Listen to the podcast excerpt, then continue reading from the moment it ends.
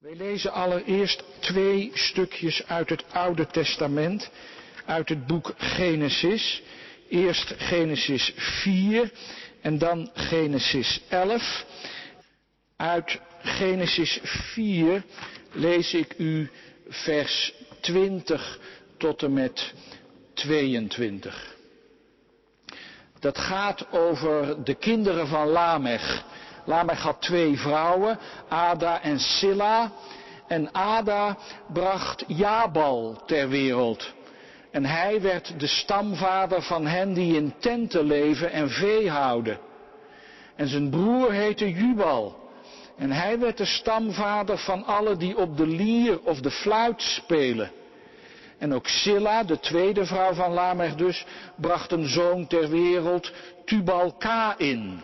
Hij was smid en werd de stamvader van alle die brons en ijzer bewerken.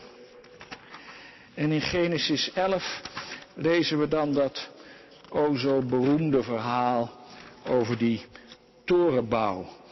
Genesis 11 vanaf het eerste vers. Ooit werd er op de hele aarde één enkele taal gesproken.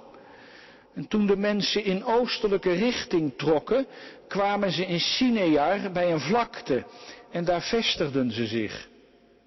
Ze zeiden tegen elkaar, laten we van klei blokken vormen en die goed bakken in het vuur. En de kleiblokken gebruikten ze als stenen en aardpek als specie.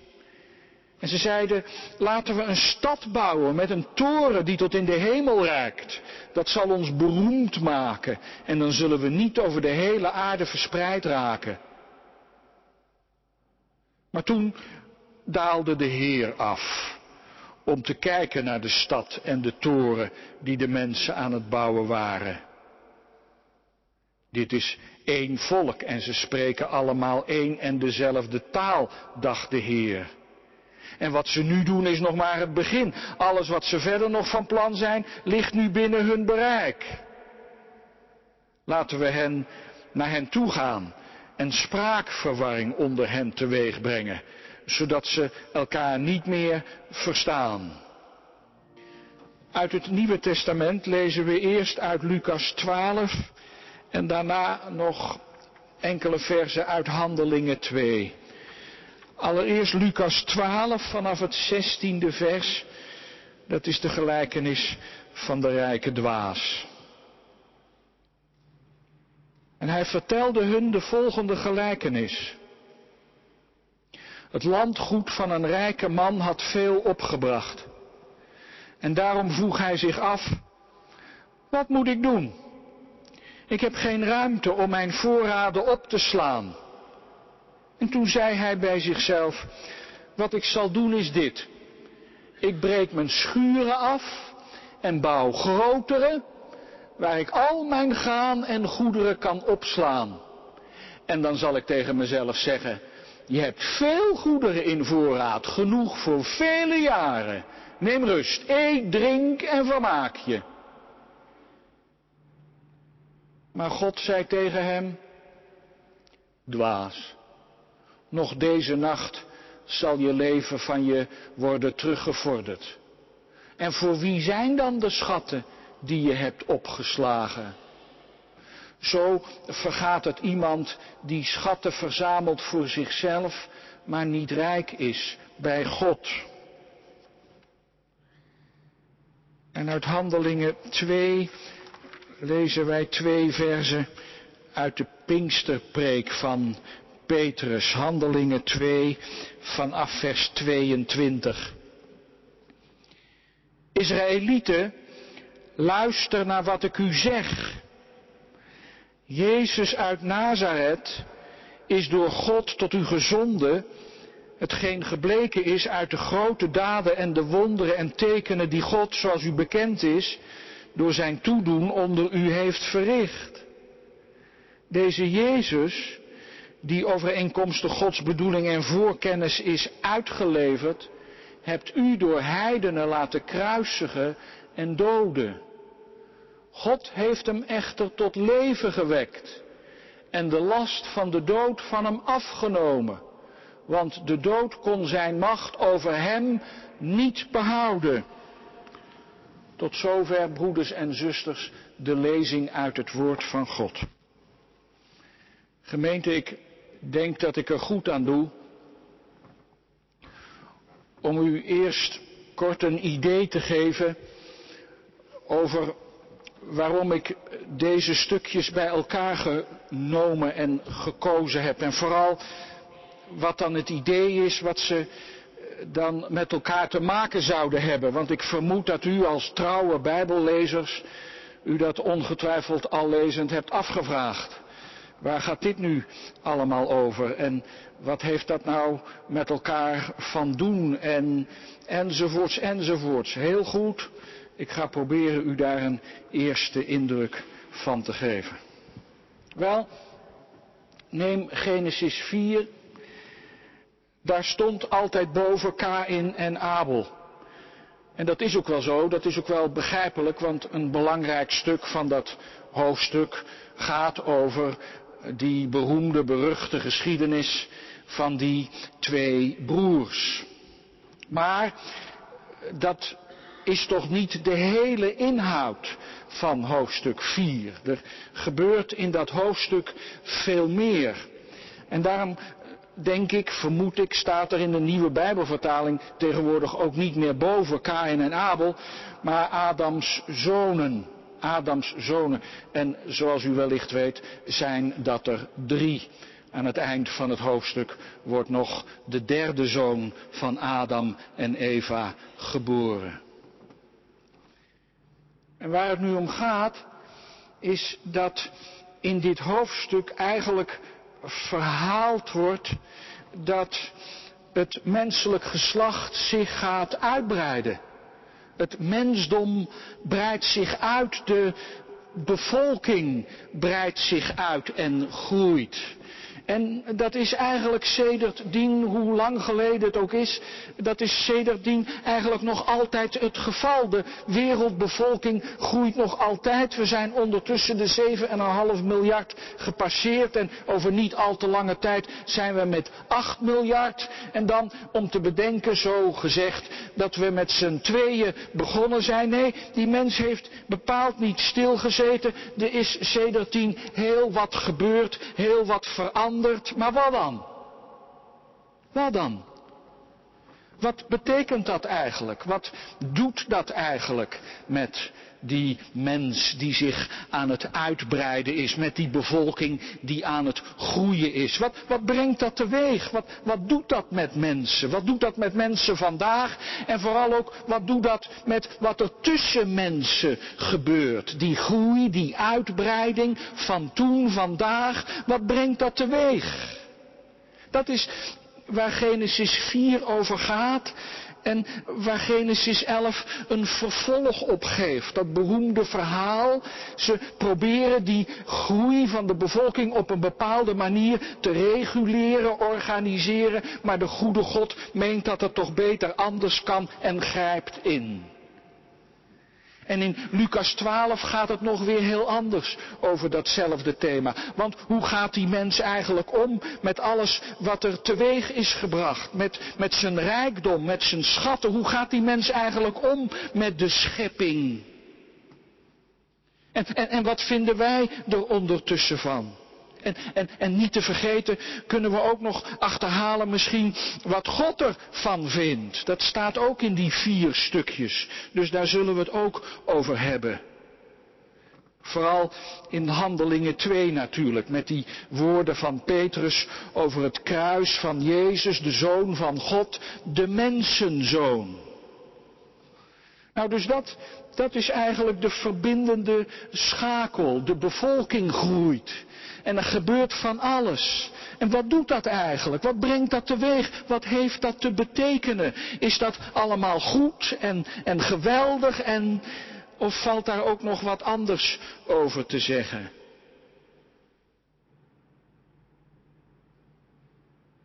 Ik zou het ook nog anders kunnen zeggen. Zo in de trant van, hoe is het eigenlijk met die mens gegaan? Met die mens van na het paradijs. Daar begint hoofdstuk 4 met de mens naar het paradijs, de, de postparadijsmens. Hoe, hoe is het hem, hoe is het haar gegaan? Wat hebben ze gedaan? Wat hebben ze teweeggebracht? Hoe hebben ze zich ontwikkeld? Wat hebben ze bereikt? En, en, en niet onbelangrijk, hoe, hoe ziet hun toekomst eruit? Nou, nog een keer. Genesis 4 schetst dan een aantal scenario's. Althans, dat is het woord dat wij er vandaag voor gebruiken. Scenario's aan de hand waarvan je een inschatting kunt geven van hoe de mens zich ontwikkeld heeft en, en hoe zijn toekomst eruit zal zien. Nou, om te beginnen valt dan in vers 2, en dat is natuurlijk opvallend, het woord broer. Dat is opvallend, omdat het daar voor het eerst valt. Er waren tot voor kort nog geen broers. Eva heeft een kind, een zoon gebaard, Kain, en nu wordt zijn broer geboren, Abel. En, en, en dit hoofdstuk vertelt dat er steeds meer broers en zussen komen. En dus ook neven en nichten. Het woord broer valt zeven keer. En het geeft onmiddellijk ook gedoe. Conflicten. Ze zijn er nog niet of er is trammeland. Dit hoofdstuk staat vol trammeland. En, en dat blijft het hele Genesisboek het geval. Voortdurend gaat het over conflicten, gedoe tussen broers. En af en toe doet een zus ook nog mee. Tot aan het eind, tot aan Jozef met zijn elf broers aan toe. En ik dacht even, maar ik weet niet of het echt zo is. Ik dacht even, bedoelt de Bijbel nou misschien te zeggen, is, is het idee van de Bijbelschrijver met, misschien zo dat, dat in zijn oorsprong, in zijn, in zijn origine, conflicten, alle conflicten, ook vandaag, waar dan ook en tussen wie dan ook, dat dat, dat, dat uiteindelijk conflicten, ten diepste conflicten zijn tussen broers. Tussen broers en zussen. Is, is dat waar het ooit begonnen is? Met al die rellen en al die conflicten en al die oneenigheid. Heel dicht bij huis, in hetzelfde gezin tussen broers en zussen. En, en helpt het dus kennelijk niet als ze te dicht op elkaar blijven zitten. En is het daarom dat God in Genesis 11 ingrijpt en zegt, nee dat lijkt me geen goed idee als ze allemaal bij elkaar blijven. God grijpt zegenrijk in niet eenheid op dezelfde plek alleen, maar eenheid in verscheidenheid over het rond der aard, wereldwijd uit elkaar. Dat is eindeloos veel beter. We zijn, we zijn ooit als broers en zussen begonnen, zijn we al lang niet meer. Vanaf het eerste begin was het moeizaam. Dat is het eerste scenario. Het scenario van, van een mensengeslacht dat zich uitbreidt en, en vrijwel onmiddellijk in conflicten verzeild raakt. Maar dat is niet het enige. Het tweede, tweede scenario is dat er eigenlijk al een soort van, van diversiteit ontstaat. Er, er, ontstaat al enig verschil, enig onderscheid tussen, tussen verschillende groepen, tussen verschillende activiteiten. Je hebt de landbouwers, je hebt de nomaden met hun vee, je krijgt de muzikanten. Vind ik altijd bijzonder grappig. Waarom moeten nou ineens de muzikanten hier speciaal genoemd worden? Maar die zijn er ook in ene. En de bewerking van de metalen, de smeden dienen zich aan. En, en de stedenbouwers, niet te vergeten. Anders gezegd, broeders en zusters, ineens is daar het hele palet van de ontwikkeling, van de beschaving, van de cultuur. En dat kan natuurlijk niet anders betekenen dan dat die mens ook ontdekkingen gaat doen.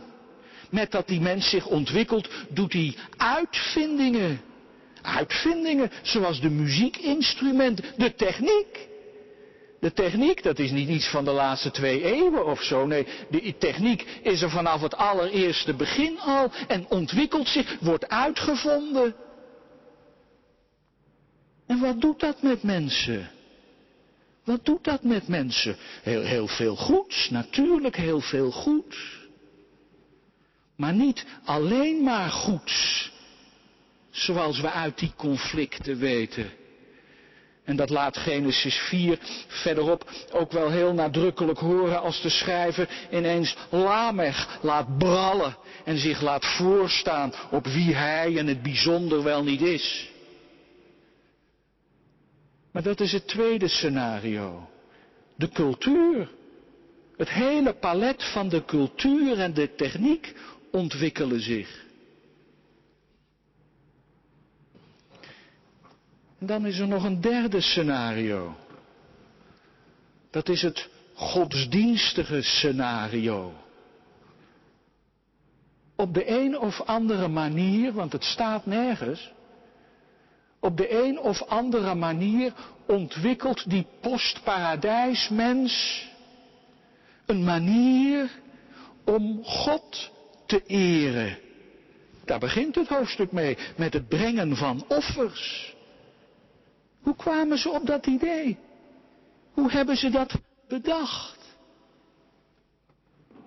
En kennelijk, kennelijk is dat goed in de ogen van God. Want, want die mens, die mens wordt gezegend met, met, met diezelfde ontwikkeling, met, met de uitvindingen, met de vernieuwingen. Dat zijn gaven, gaven van God. En het onderstreept dat die postparadijsmens zeker niet door God aan het lot is overgelaten. Integendeel, Calvijn bijvoorbeeld. Calvijn noemt die uitvindingen van die muzikanten en van die smeden en, en, en van dat stedenbouw. Calvijn noemt dat gaven van de geest. En in één adem trekt hij het door naar zijn eigen tijd en zegt, ja alle kunst en wetenschap van zijn eigen tijd, dat is eigenlijk gaven van de geest. Waarom doen wij dat eigenlijk niet? Waarom, waarom, of misschien u wel hoor, maar waarom, waarom lijkt het erop alsof wij niet meer op zo'n manier naar cultuur en ontwikkeling, techniek en uitvinding en, en noem het allemaal maar op, gaven van de geest. Wij, wij profiteren ervan, wij profiteren er allemaal van, maar, maar wie wat het nou zo nog op? En dan eindigt het scenario, de beschrijving van het scenario, met wat misschien wel de grootste godsdienstige ontdekking is aller tijden. Want dan eindigt het hoofdstuk met te zeggen dat ze begonnen met de naam van de Heer aan te roepen. Dat mag ik natuurlijk helemaal niet zeggen, maar dat lijkt bijna wel een protestantse uitvinding. Een protestantse uitvinding aan het begin van de geschiedenis van de mensheid. En ze gingen de naam van de Heer aanroepen. Dat je God kunt aanroepen bij zijn naam. En, en, en dat hij dan kennelijk hoort en antwoordt. Dat hadden ze op de een of andere manier ontdekt, begrepen. Hoe dan? Er staat nergens dat dat zo moest, maar het gebeurde wel. En ze begonnen de naam van de Heer aan te roepen. Dat is, dat is bijna ontroerend om te lezen. En, en, en, we doen het nog steeds. Eindeloos veel dingen die ze toen deden, doen we al lang niet meer, maar dat doen we nog altijd. Vanavond, de naam van de Heer aanroepen. Dat is toen begonnen. En en ik had een, ik had een vrome fantasie, want ik vroeg me natuurlijk af, maar ja, maar hoe, hoe zouden ze dat nou ontdekt hebben? Hoe zijn ze nou op het idee gekomen? Hoe, hoe weet die Enos, hè, daar gaat het aan het eind van het hoofdstuk over, hoe, hoe weet die Enos dat nou? En toen dacht ik, nou ja, u vindt het misschien een beetje flauw. Maar toen dacht ik, ja, dat heeft hij natuurlijk van zijn opa. Adam. Die heeft het hem natuurlijk verteld. Jongen, we leefden ooit in het paradijs, is lang geleden. Maar wij leefden in het paradijs, je grootmoeder en ik. En, en, en, en daar gingen we met de Heere God om. Die kwam bij ons. En, en, en we spraken met hem en, en, en hij zorgde voor ons. En, en, en we gingen heel vriendschappelijk met elkaar om. En, nou ja, toen is er van alles gebeurd en dat is niet meer zo. En, maar geloof me nou, geloof me nou, jij voor jouw leven, je kinderen, je kleinkinderen, God heeft een naam. En die naam kun je aanroepen. En, en dan hoort hij en dan antwoordt hij. En ik denk, ik denk werkelijk dat hij het van zijn opa geleerd heeft. En voordat u nou denkt, wat een patriarchaal man is dat, zeg ik er natuurlijk snel bij. Ja, maar ook van zijn oma hoor. Zijn oma heeft het hem ook verteld. Drie scenario's. Potentiële conflicten in eigen huis. Ontwikkeling van cultuur en beschaving, uitvinding en techniek. En het dienen van God wordt ontdekt onder zijn zegen van gaven, van kunst en van wetenschap. En het staat er allemaal nog tamelijk onschuldig bij elkaar, door elkaar, alsof het nog met alle spanningen die er zijn toch een geheel vormt. Maar niet voor lang.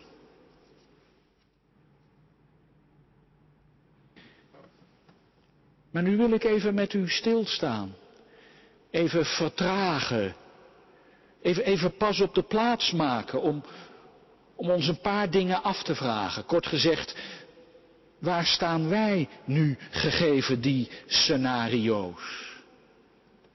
En, en, en, laten we dan vooral even nadenken, als u het goed vindt, over, over de techniek. Over de invloed, over de impact van de techniek. Op ons, op ons leven, op de schepping. Hoe staat het? Staat het met die uitvindingen van, van, van instrumenten voor muziek en van de metaalbewerking en, en uitvindingen van wat dan ook? De auto, de computer, de vaatwasser, de deeltjesversneller, om het nou niet alleen maar huishoudelijk te houden. Weet u wat wij in onze traditie altijd hebben gezegd? Wij hebben altijd gezegd, techniek en technologie is goed tegen de gevolgen van de val. Wist u dat? Zo hebben wij het altijd opgevat, zo hebben we er altijd over gesproken. Techniek helpt ons tegen de gevolgen van de val. De val? Ja, dat is een soort van breuk. Een soort van fundamentele breuk. Breuk door alles heen. Breuk door de hele schepping heen. Breuk door gezinnen, families, volkeren, naties heen. Tussen God en mensen door. Dat is de val. En de techniek, zeiden we dan? De techniek is een genadig geschenk, een gave van de geest, zoals Calvijn zei om ons te helpen in de schepping zoals die is sinds de val. En daarmee maken we dan onze positie als kroon op de schepping helemaal waar. Zoals we zongen met Psalm 8. We beheersen en overheersen. En de technologie helpt ons daarbij. Wat is dat, technologie? Technologie is het herschikken van grondstoffen voor menselijke doeleinden. Nog een keer? Het herschikken van grondstoffen voor menselijke doeleinden. Dus de chef Cox, die herschikken de grondstoffen van voedsel om van gewone tot drie, vier, vijf sterren diners voor u klaar te zetten en daar geniet u dan van. En bouwlieden herschikken de grondstoffen en bouwen huizen om van te dromen en daar woont u dan in. En farmaceuten herschikken grondstoffen om medicijnen te ontwikkelen. En ik weet zeker dat er hier zijn die zonder die technologie er vanavond niet meer geweest zouden zijn. Toch?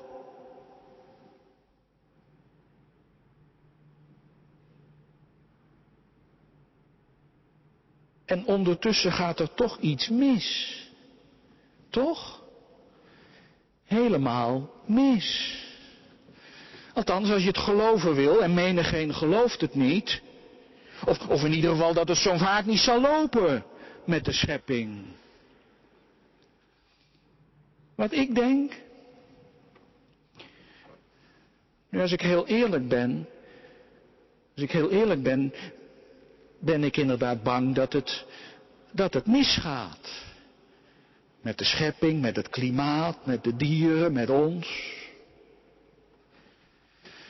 Maar dat tegelijkertijd de verleiding groot is om te blijven denken dat we het toch wel zullen oplossen. Omdat we altijd alles opgelost hebben.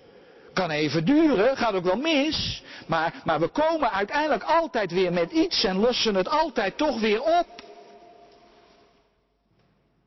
Alleen, alleen dan moet ik misschien wel tegen mezelf zeggen en ook tegen u als u zo ongeveer denkt als ik het nou aangeef. Misschien moeten we dan wel tegen elkaar zeggen, ja maar pas nou op. Pas nou op voor, voor de valkuil van die rijke dwaas. Want je kunt wel zeggen dat je genoeg hebt om nog jaren vooruit te kunnen. Dat je genoeg weet om, om jaren vooruit te kunnen. Dat je slim genoeg bent om van alles te bedenken. Waardoor je nog jaren vooruit kunt. Maar je neemt niks mee. En wat laat je dan na? Wat laat je dan eigenlijk na? Voor de volgende generatie. Ik bedoel, ik bedoel, ik ben, ik ben een beetje bang dat wij met z'n allen in de ban zijn geraakt van de techniek en de technologie. En ergens van in de ban raken is zelden goed, toch? Dat bedoel ik als ik zeg dat ik, het, dat ik het moeilijk vind om de verleiding te weerstaan om te denken dat we het toch wel oplossen. Want, want we lossen altijd alles op. Dat is ondertussen wat de techniek met ons doet. De techniek heeft ons denken veranderd. De techniek heeft veranderd hoe we naar onszelf kijken, wat we van onszelf vinden. Heeft veranderd hoe, hoe we met de schepping, de werkelijkheid om ons heen omgaan. Heeft veranderd wat, in wat wij allemaal denken te kunnen en kunnen te, denken te kunnen bereiken. Dat is dat is hoe we tegenwoordig beheerser zijn, heerser zijn van de schepping. Onszelf tot heersers, beheersers gekroond hebben. Is, dat, is dat nog een eer die God aan ons verleend heeft? Wel nee. Dat is al zo lang geleden. Die eer geven we ons tegenwoordig zelf wel. Zie ons eens. We kunnen misschien niet alles. Maar we kunnen wel steeds meer en we kunnen steeds beter.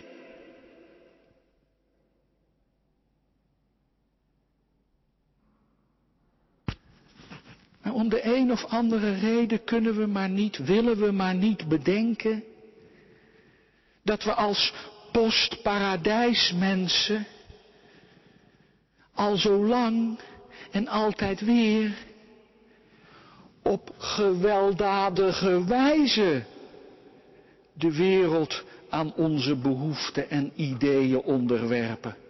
Al heel lang op gewelddadige wijze ten koste van. Of het nou die boertjes zijn in India die een stuk bos in de brand steken om er bouwland mee te verwerven.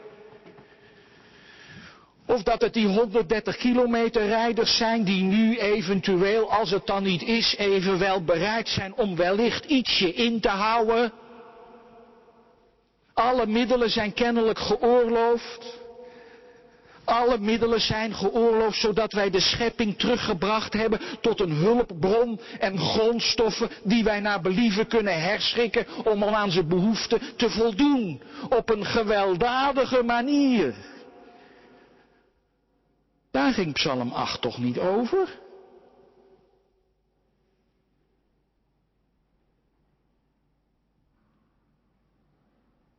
Weet u wat het is? Je kunt dat verhaal van Kain en Abel nog op een heel andere manier begrijpen. Je kunt ook zeggen dat, dat daar de eeuwigdurende strijd tussen stedelingen en landbouwers aan de ene kant en herders en nomaden aan de andere kant begint. Want die, die vaste landerijen van die boeren, die beroven natuurlijk de nomaden en herders van de vrije grond die ze nodig hebben om hun kudde te kunnen laten grazen. Maar als die hun kuddes kunnen laten grazen, dan kunnen die landbouwers het natuurlijk wel vergeten met hun oogst. Zodoende moeten die landbouwers dus wel geweld gebruiken om die nomaden van het lijf van het land te houden. Anders kost het hun hun oogst. Zo is het eeuwig gegaan. En nog. En wij doen het ook nog. Ik bedoel, we hebben in ons land geen nomaden meer.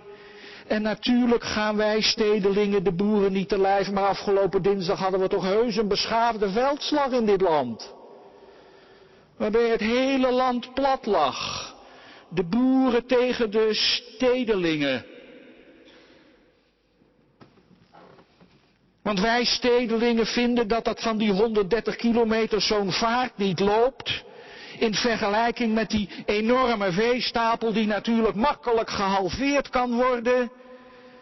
Het is veel makkelijker om te zeggen halveren die boel. Dan te zeggen nou ja, dan doen we het ietsje rustiger aan. Nee, want wij moeten ons tempo wel vol kunnen houden. Dat is een heel oud scenario.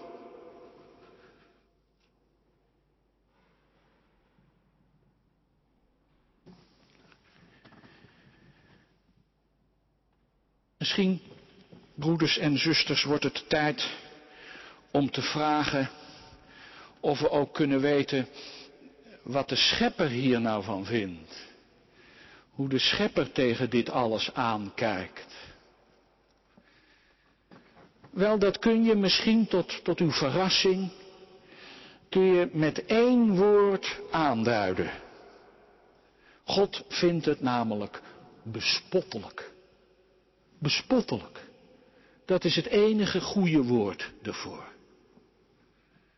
Hij drijft de spot, genadig weliswaar, maar toch. Hij drijft de spot met het gedoe van die mensen. Met ironie. Met ironie drijft hij de spot over die mensen die kennelijk zo bevangen zijn met wat ze allemaal niet kunnen en weten te bereiken. En vergis u niet, wij lazen iets over kleiblokken en aardspecie, maar de archeologen met kennis van zaken die kunnen uitleggen dat de torens die in die tijd gebouwd werden, ja dat waren natuurlijk meesterwerken, dat waren staaltjes van techniek, van vernuft. Maar God vindt het bespottelijk. En moet er om lachen. En u vraagt misschien hoe ik dat weet. Nou, dat weet ik omdat het zo verteld wordt. Zo wordt het verteld in Genesis 11. Die mensen bouwen een toren zo hoog dat die in de hemel reikt.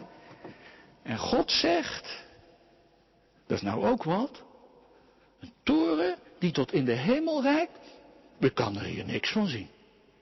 Ik kan werkelijk hier vandaan niet zien wat dat met die toren is en wat dat met die toren voorstelt. Weet je wat? Ik zal afdalen. Laat ik dan maar beneden gaan kijken om te zien hoe het is en wat het voorstelt. Hoort u wel? Hoe hoger die mens streeft, hoe dieper God moet buigen om het te kunnen zien. Om te zien wat het allemaal te betekenen heeft. Bespottelijk, ironie, en dan stelt God orde op zaken, maar dat laten we voor wat het is. En de ironie druipt er natuurlijk vanaf als Jezus het verhaal van die dwaas vertelt, die rijke dwaas. Want dan heb je het ondertussen toch maar mooi voor elkaar. Als je schuren te klein zijn om, om je verdiensten, je oogst of wat je dan ook bereikt hebt in het leven, je schuren te klein zijn om het op te slaan en dat je moet uitbreiden. Nou, dan heb je het gemaakt, dan heb je het voor elkaar, dan kun je je gemak er wel van nemen en dan kun je er eindelijk van genieten. Dat heb je dan ook wel verdiend. Alleen, dan heb je er toch niet veel van begrepen dan heb je er niet veel van begrepen. Want, want, want het leven kan, kan zo gedaan zijn. En, en hij sterft. Bespottelijk. Bespottelijk hoe die mens denkt dat hij het herschikken van de grondstoffen zo kan gebruiken om zijn eigen schuren op te vullen met en dan zijn gemak er maar van te nemen. Niet te geloven. Maar het meest bespottelijke van alles is natuurlijk het kruis. Dat is het meest bespottelijke van alles. Het kruis? Ja, het kruis. Hoe dan? Nou ja, het kruis is ook zo'n staaltje van technisch vernuft herschikking van grondstoffen, twee balken. En je hebt een uitstekend instrument. De Romeinen hadden het overigens niet zelf uitgevonden, ze troffen het aan, maar ze hebben het geperfectioneerd. Een uitstekend instrument om uh, raar volk, misdadigers of andere mensen waar je vanaf moet, uit de weg te ruimen. En dan liefst met zoveel pijn als mogelijk is. En als het even kan, ook een zo lang mogelijke doodstrijd. Een, een perfect staaltje van techniek. Nou ja, daar kun je het herschikken van de grondstoffen ook voor gebruiken. Dat doen we ook nog altijd vandaag. En bovendien was het ook nog eens ingebed in het Romeinse recht. Romeinen hoefden dat natuurlijk niet te ondergaan. Kortom, dat was gewoon iets wat bij het geheel van de samenleving behoorde. Geheel en al ingebed, geaccepteerd, rechtvaardig en al. En je doet het in het publieke domein, zodat je hoopt dat het ook nog een afschrikwekkend effect heeft.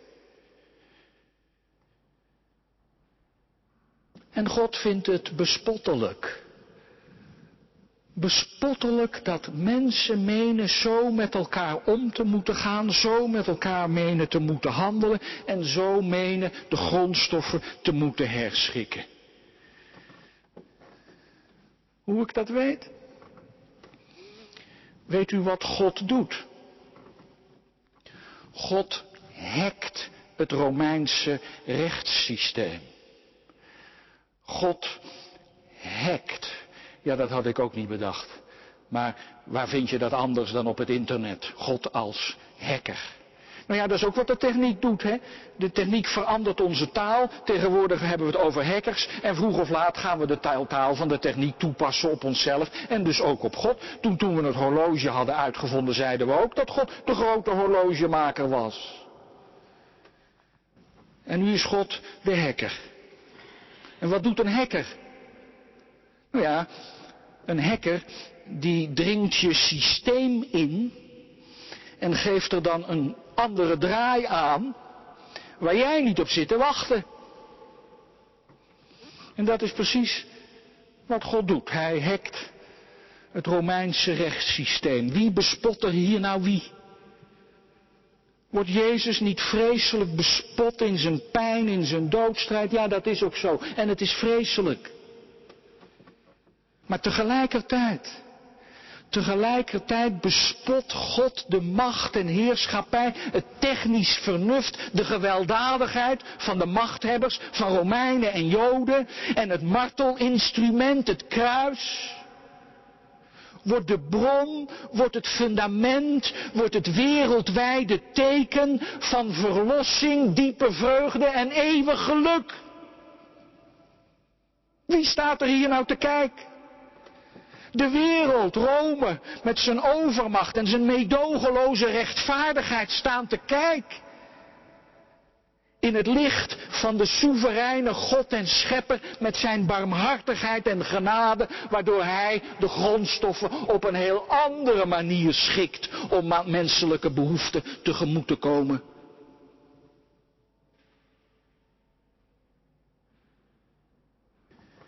En dat is dus de boodschap broeders en zusters.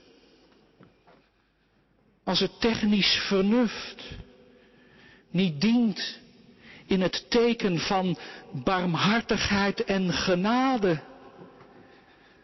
als de grondstoffen niet herschikt worden met het oog op barmhartigheid en genade, waar dient het dan toe?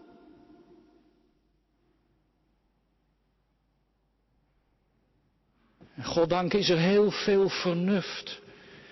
Dat ondanks alles staat in het teken van barmhartigheid en genade van vreugde en geluk, zeker wel. Maar ook heel veel niet, heel veel niet. En hoe moet dat dan? Nu, de aarde en haar volheid, zegt Psalm 24, is het eigendom van de Heer die haar het leven geeft. Dat kan niet anders of dat is de gave van de geest die immers Heere is en levend maakt. Hij zweefde vanaf het begin boven het water. En zou het nou werkelijk zo zijn dat de geest daarmee is opgehouden, zeg, toen de mens het paradijs verliet?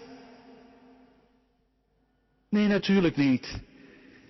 Natuurlijk niet. De geest, de geest zweeft nog altijd over de wateren.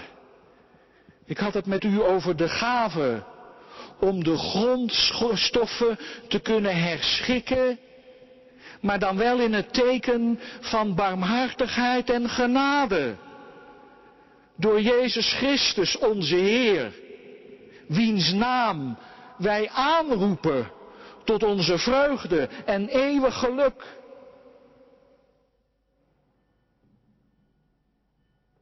Amen.